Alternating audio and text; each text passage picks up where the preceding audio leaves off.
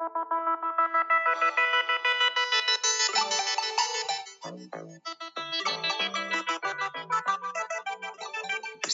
er þáttaröð unnin af kennurum og nemendum Stapaskóla þar sem fjallað er um verkefni unnin í Stapamixi ásamt öðrum verkefnum sem sannarlega tengjast samþættingu, teymiskennslu eða annað. Þessi vettvangur er leið okkar til að deila því sem gert er innan veggja skólans og með því viljum við efla lærdum samfélag skólafólks í bænum okkar sem og annar staðar. Árleg fjármálafræðsla hefur fessi í sessi innan samþættingar í 7. til 10. bekk Stapaskóla. Samfélagsfræðikennarinn okkar, hún Inna Stefansdóttir, heldur utan um verkefnið innan Stapamix hópsins og er viðmælandi minn hér í dag. Til viðbótar við fjölbreytt fjármálathema hefur Ninna einnig verið með valgrunna fjármálalæsi tvisasunum á skólaári í þessi þrjú ár síðan kennsla hóf stólingastígi.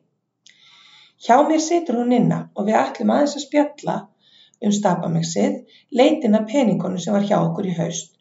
En fyrst viljum við heyra þessum þinina. Hvaðan kemur þau og hvaðan kemur þessi áhuga á fjármálafræðslu?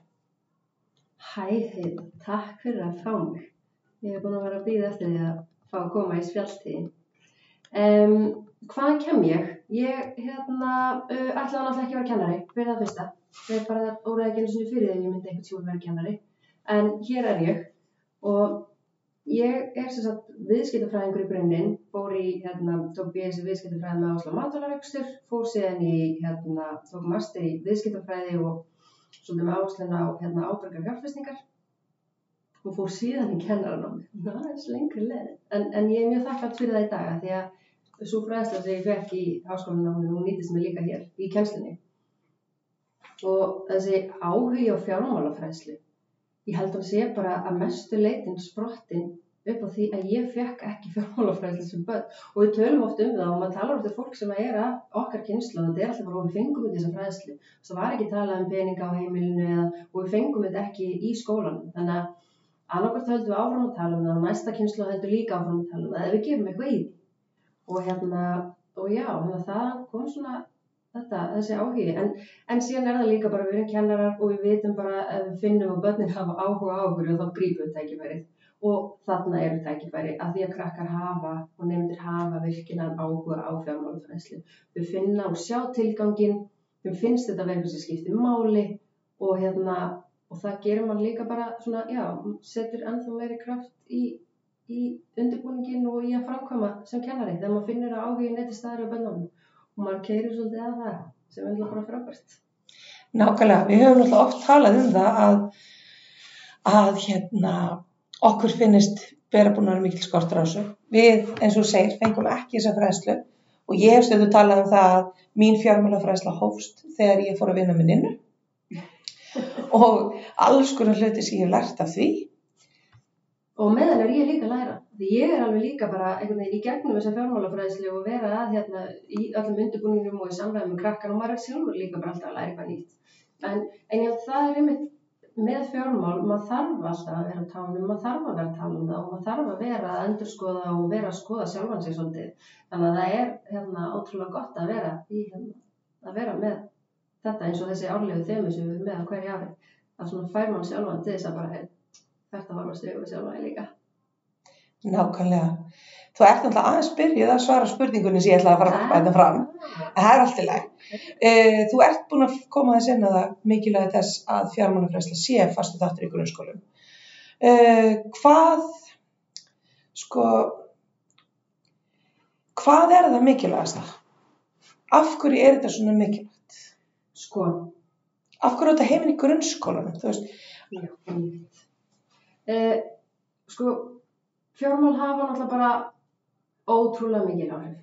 Þau hafa ekki bara áhrif á það sem hafa áhuga fjármálum, heldur bara fjármál hafa áhrif á alla.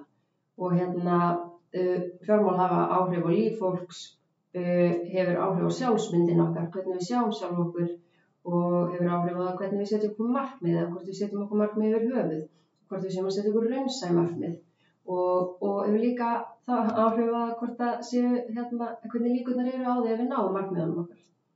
En mikilvægi líkur líka í því bara að við aukum hérna yfirsýnuna og við hjálpum nefndum að setja sér persónuleg markmið. Af því að við viljum ekki, við erum öll ólík, við viljum, öll, við viljum ekki alltaf sama.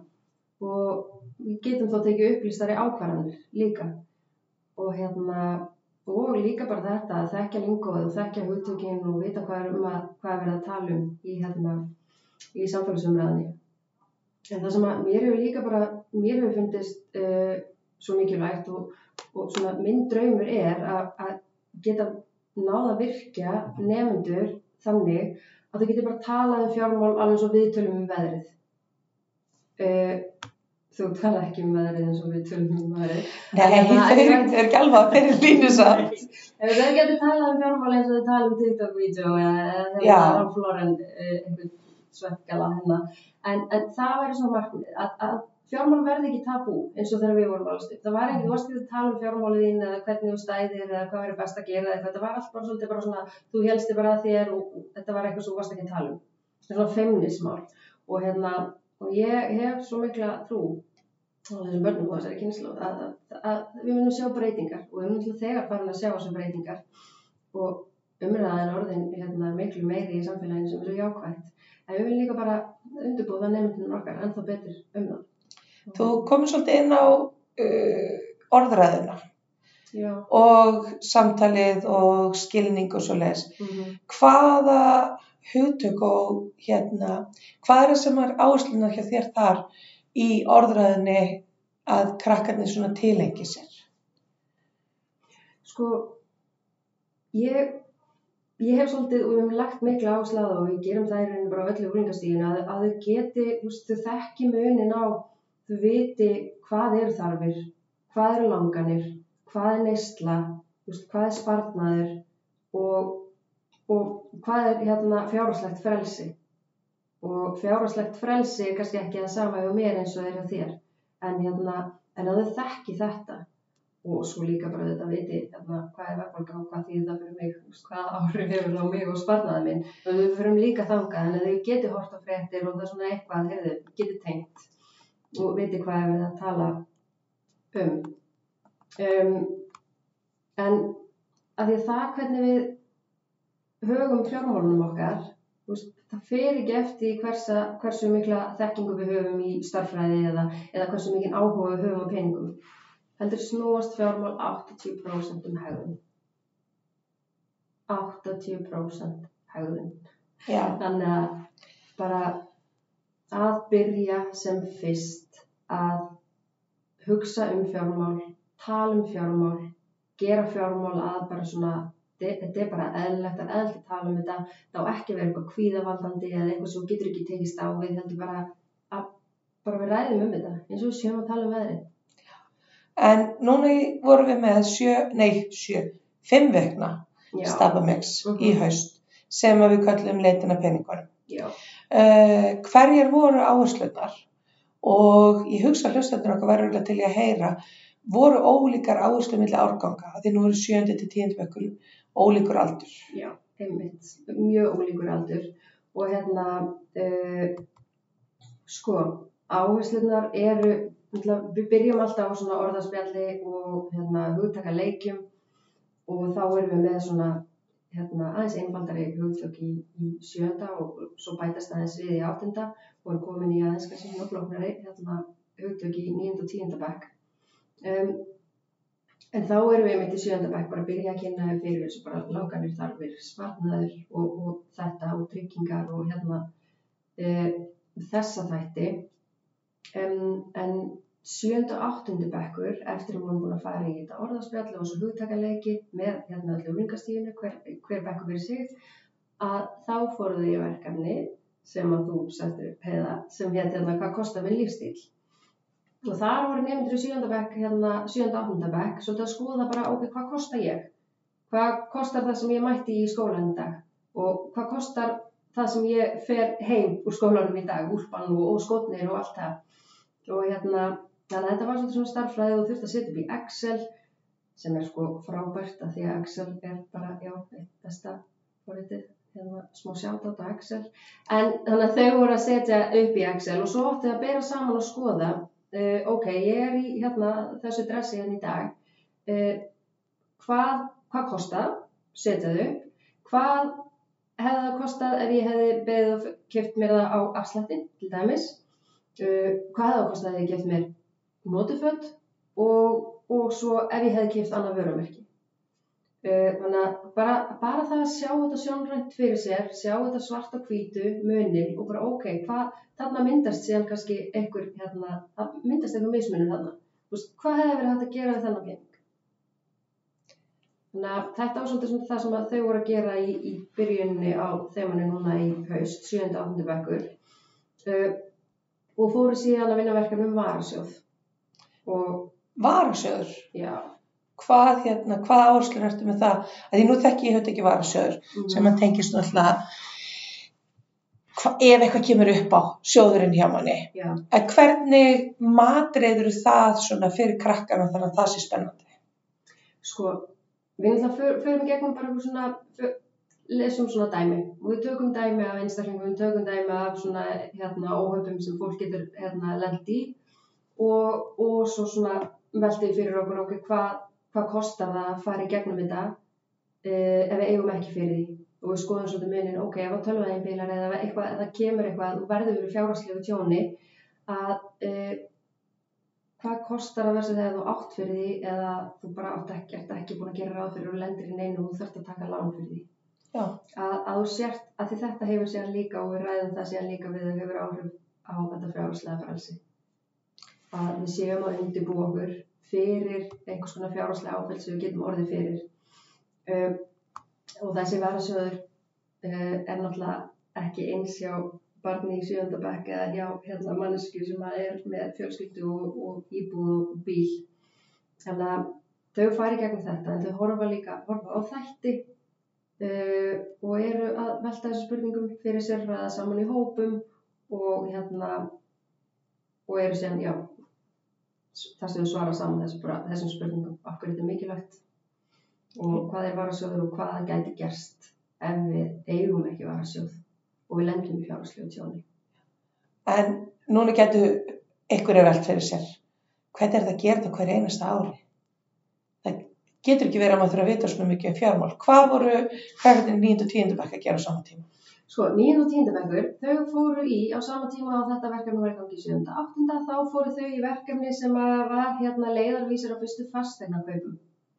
Þannig að, uh, og þau höfðu verið að kalla eins eftir því og þannig að þau fóru að skoða uh, fastegnir og átt að búa til sem sagt svona eins og lífsveg eða leiðarvísir að fyrstu fastegna sem voru teiknuð upp svona vega og plakka þau voru hérna á uppáspunktinum og endapunkturinn var að, uh, að kaupa sér fastegn sína fyrstu fasteign. Og þau þurftu að skoða, ok, hvað hva kostar þessi fasteign? Hvað er raunhaft að gera sem markmið með eignu kostið fyrsta fasteign sem þú ert að fara að kaupa þér? Hvað þarf ég að eiga í útborgunum fasteigninni? Uh, ef ég þarf að eiga þessa uppæð, hvað þýðir það þá ég þarf að spara mikið eða leggja mikið til hliðar í hverju mánuði? Og, og viðbótalífur í sparnaðurinn, ok, hvena get ég bara að greiða viðbótalífur í sparnað og hvað aldrei og hvað gæti ég hvað er raunhaft að ég ná að leggja mikið til hliðar þar til að nýta mér í útbökunina og, hérna, og þetta, voru, þetta var ótrúlega skemmtilegt verkefni og mjög flottir eh, leðavísar sem komu út úr þessu þannig að það var alveg gaman að sjá líka bara hvernig þau fóru svona, voru að gera ráð fyrir ólíkum hlutum. Sem voru að tala um bara, voru mikið að velta yfir sig að ég er í skólanum hérna frá hérna þetta og þetta þannig gæti unnið kannski hér í 2-3 tíma.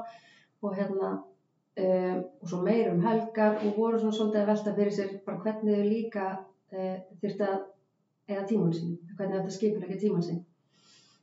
Og, og líka með þetta með framhaldsnám og þetta, það var alveg gaman þau settu það svona inn í leiðavísin sin þau voru bara í framhaldsnám og voru bara í háskóla þannig að þau gerðu ráð fyrir því þegar þau voru að setja sér sparnar hérna, sparnarleðina sína Já, nú hefur ekki bara gert ráð fyrir að geta lagt fyrir miljónum mánuði. Nei, það var Hver, hvernig komið þið í veg fyrir solis? Hvað gerir þið til þess að svona taka í burtu, hvað getur maður sagt, svona óraunhæfa kjánaskapin sem kemur oft í þeim þegar þau byrja að tala því þau ætla bara allir að verða ríkir, bara svona ógíslega einfalt. Já, ég held sko bara að undirbúningurinn áður og fara af stað í svona verkefni umræðan skiptir svo miklu máli og líka að þau finnir að þau eru að gera þetta fyrir sig. Úst, þau eru ekki endilega, þau eru ekki að gera þetta fyrir okkur kennarna, Já. heldur eru við að láta þau fá verkefni uh, og verkfæri til þess að nýta fyrir sig sjálf. En hvaða, það var eitthvað sammeilegt verkefni sem allir fór í. Já, það var hérna uh, ferðamaðurinn og það var hérna, þá, þetta voru sérst hópaverkefni, þetta var mjög skemmtilegt.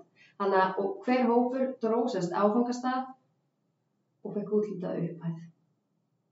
Og þau voru að fara sérst í, í ferðalag og fengur sérst ákveðin á- áfangastað, ákveðin upphæð sem átt að nýtast þeim í ferðalaginu. Og svo áttu þau að setja bara upp ferðinu inn frá A til Ö. Þannig að bara það var flug og gisting, uh, uppihald, afþreying og, og svo settum við svona inn í þetta bara veðurfar og, og skoða merkilega staði á áfangastaðnum og, og þetta. Þannig að þetta var alveg svona sumir fengu kannski 600.000 til að spreða og eittu miklu í fínan mat og, hérna dýra gistingar og meðan aðrir hérna fengu kannski bara þetta fyrir bakbúkaferðalagi. Það er náttúrulega skemmtilega samt. Þeir sem að fengu þarna 600.000 en komu heim með penning tilbaka. Já, Það það, hérna, það bendir Já, til þess að það- sé eitthvað að sigga inn, sko. já, Er ykkur fleiri verkefni sem að svona allir fara í gegnum? já, það er eitt sem við erum búin að gera núna á hverju ári og ég sé fyrir mér að vondur bara munu alltaf gera þetta.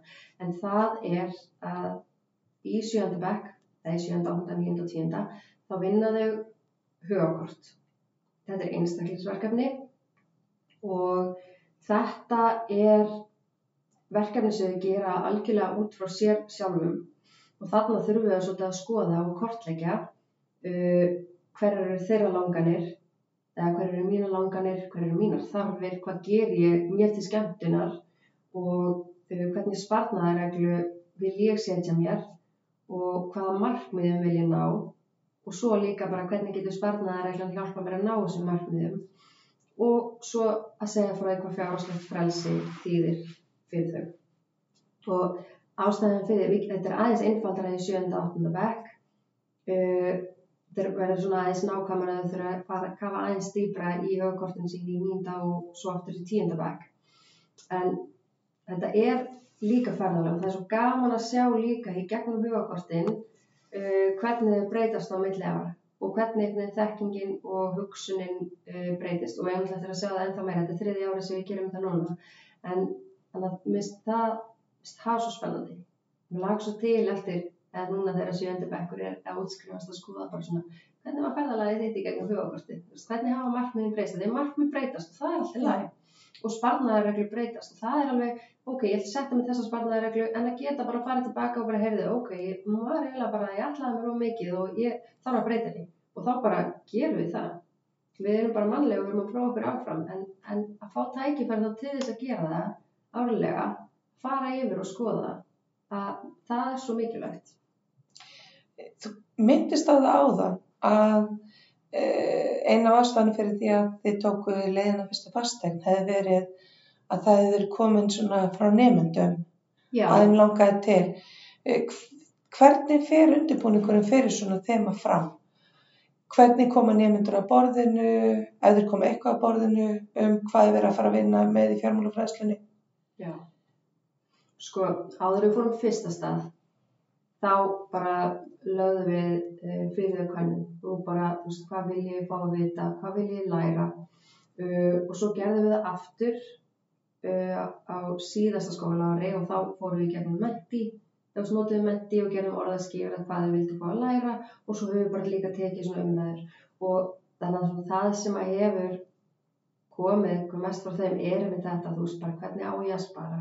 Þú veist, hver eru bestu sparnaðarleðinar uh, og með fastegnarkaup, hvernig kaup ég með mína fyrstu fastegn og skatta, þau vilja læra rosa þeim finnst skatta rosa spennandi. En þeim finnst það yfirleitt áður en þau vilja læra um skatta en hérna, þau vilja vita hvað skattar eru.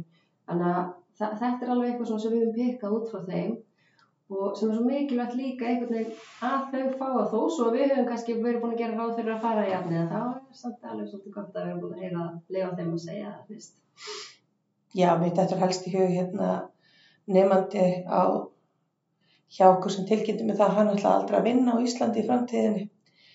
Af því að það væri bara ótrúlega ósangjart hversu mikið þyrfti að fara í skatta. Já. og þá fórum við að ræða það hvað hérna að það væri nú ekkit endilega hæstu skattar í heimi hér hjá okkur. Og rættum að það svona út frá því. En það ásamt þegar nefnendur í hérna tíundabökku uppgötuðu að það væri til, það væri eitthvað sem gripi mann ef maður væri ekki með vinnu þá voru það sett aðtunleysbætunar sem voru uppgöta. Já, og þú veist, og þá komum við pælingarna bara byrju, en af hverju? Þá erum við náðum við svona smá spjall um réttindi sem eru svo mikilvæga þetta snýst ekki endilega um að, að hérna, þurfi ekki að gera neitt í lífinu heldur að maður vinni sér réttindi sem að grípa mann. Já, við lendir í áföllum, við lendir Já. einhverju, hérna, já, sem við lífið, komið í veg fyrir. já, lífið getur verið hlikkjótt, ekki bara einhver bein leið. Algjörlega. Uh, en nú hefur þú einnig líka verið með valgreinina fjármálalæsi.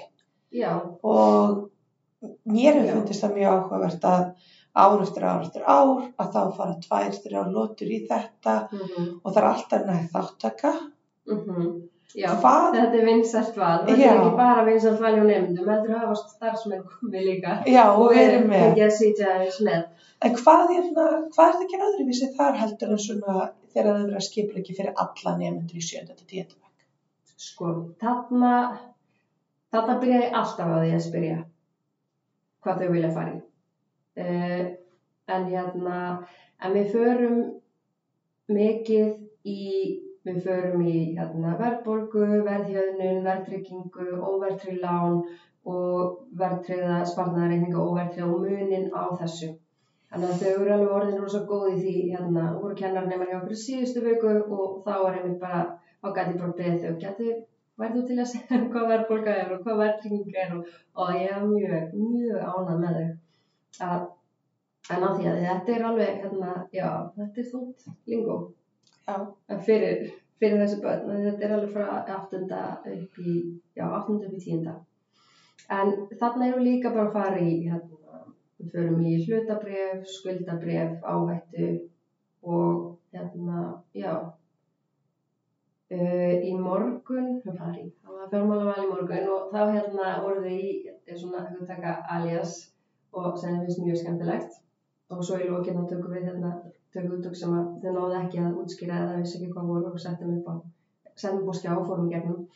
Og eitt af því var einmitt hérna stjætafélag og það var einmitt bara hvað er stjætafélag og persónuafsláttur. Þeim fannst alveg magna að persónuafslátturinn safnast saman. Þau sáu bara fyrir sér bara hvað ég er í skóla og ég er komin á aldur að ég fæ persónu afslutin að hann safnist saman yfir sumatíma þannig að alls konar svona hérna já, þannig að þetta er kannski eitthvað sem við getum bent tínu nefnand á það er svona með skattin já, þannig að þetta er alveg svona, þú, þú myndir alveg segja, þau eru ekki bara fræðast um fjármál, þau eru líka fræðast um réttindi sín og, já, já, já. En hérna, er en þetta er svona, svona byggt upp með hérna með að fara í fjárfestingar, sparnaðarleiðir og bara hvernig hérna uh, markaðin getur haft áhrif já, á okkur og en neina mín, Já. ef þú með þér ráða, Mm e, að því núna erum við komið með fjármálafræðslu fastaði sessi hjá okkur. -hmm. Ef þú mættir ráða, hvernig væri þetta bara svona almennt í grunnskólum á Íslandi? Og ráð öllu. Já, Og, og, og raunverulega, sko, þú veist, myndir vilja stakka þetta hérna hjá okkur? Ef við myndum bara að byrja hér hjá okkur? Já, Að nú erum við að byrja í sjönda bekk. Myndir vilja stakka þetta? Já, það er hægt að byrja að tala um fjármál fyrr og, og þá líka bara að það sem ég finnst vera mikilvægast að þau geti hort á fjármál út frá sér, að þau viti hvað langar mig, hvert langar mig að stefna og hvernig þarf ég að hugsa um fjármálin til þess að þau komi ekki veg fyrir að ég komist á annan stað. Að, að þau geti hort á fjármálin út frá sér að, að við getum alveg byrjað að kenna það fyrr. Og ég veit að það er fjármálafræðsla uh, í mörgum skólum og frábær kennsla.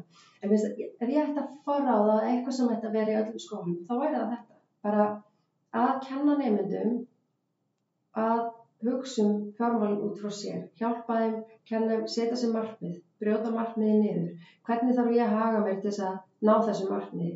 Er ég að setja of mikið í langanir, en þarf ég kannski aðeins að draga úr til þess að hérna, ná markmiðin sín. Og, en það þýðir svolítið ekki að við hefum ekki að gera neitt skemmtilegt. Við lifum einu sinni og ég er ekki að segja það bara að því að það var alveg komið nefndur sem eru bara, já ég ætla bara að leggja 100% í leðar, ég þarf ekki neitt. Ég hvað, ok, en það má líka gera eitthvað skemmtilegt. Það að spara þýðir ekki að við hefum ekki að lifa lífinu, eða við hefum að hætta að fara bíó, eða við hefum að hætta að fara kannski einu svona málundu borðið eða gera eitthvað skemmtilegt með vinum okkar. En það er þetta jafnvægi og þetta jafnvægi er heldur bara eitthvað sem við getum byrjað tölvört fyrr og væri bara þetta er dýrmætt fyrir alla að taka með sér út í lífið. Ég held að þetta séu mjög góð loka orð hjá okkur. Takk fyrir kominunina. Takk fyrir að bjóða mér. Og hægt er að finna hugmyndir af verkefnum og allt sem er búið að tala hérna um í þettinum. Já. Tengla og svoleiðis inn á vefsíðu stafaspelsins. Svo maður alltaf hafa samband, eða eitthvað, einhverjum spurningar. Alltaf. Mm -hmm. Takk fyrir okkur. Takk fyrir.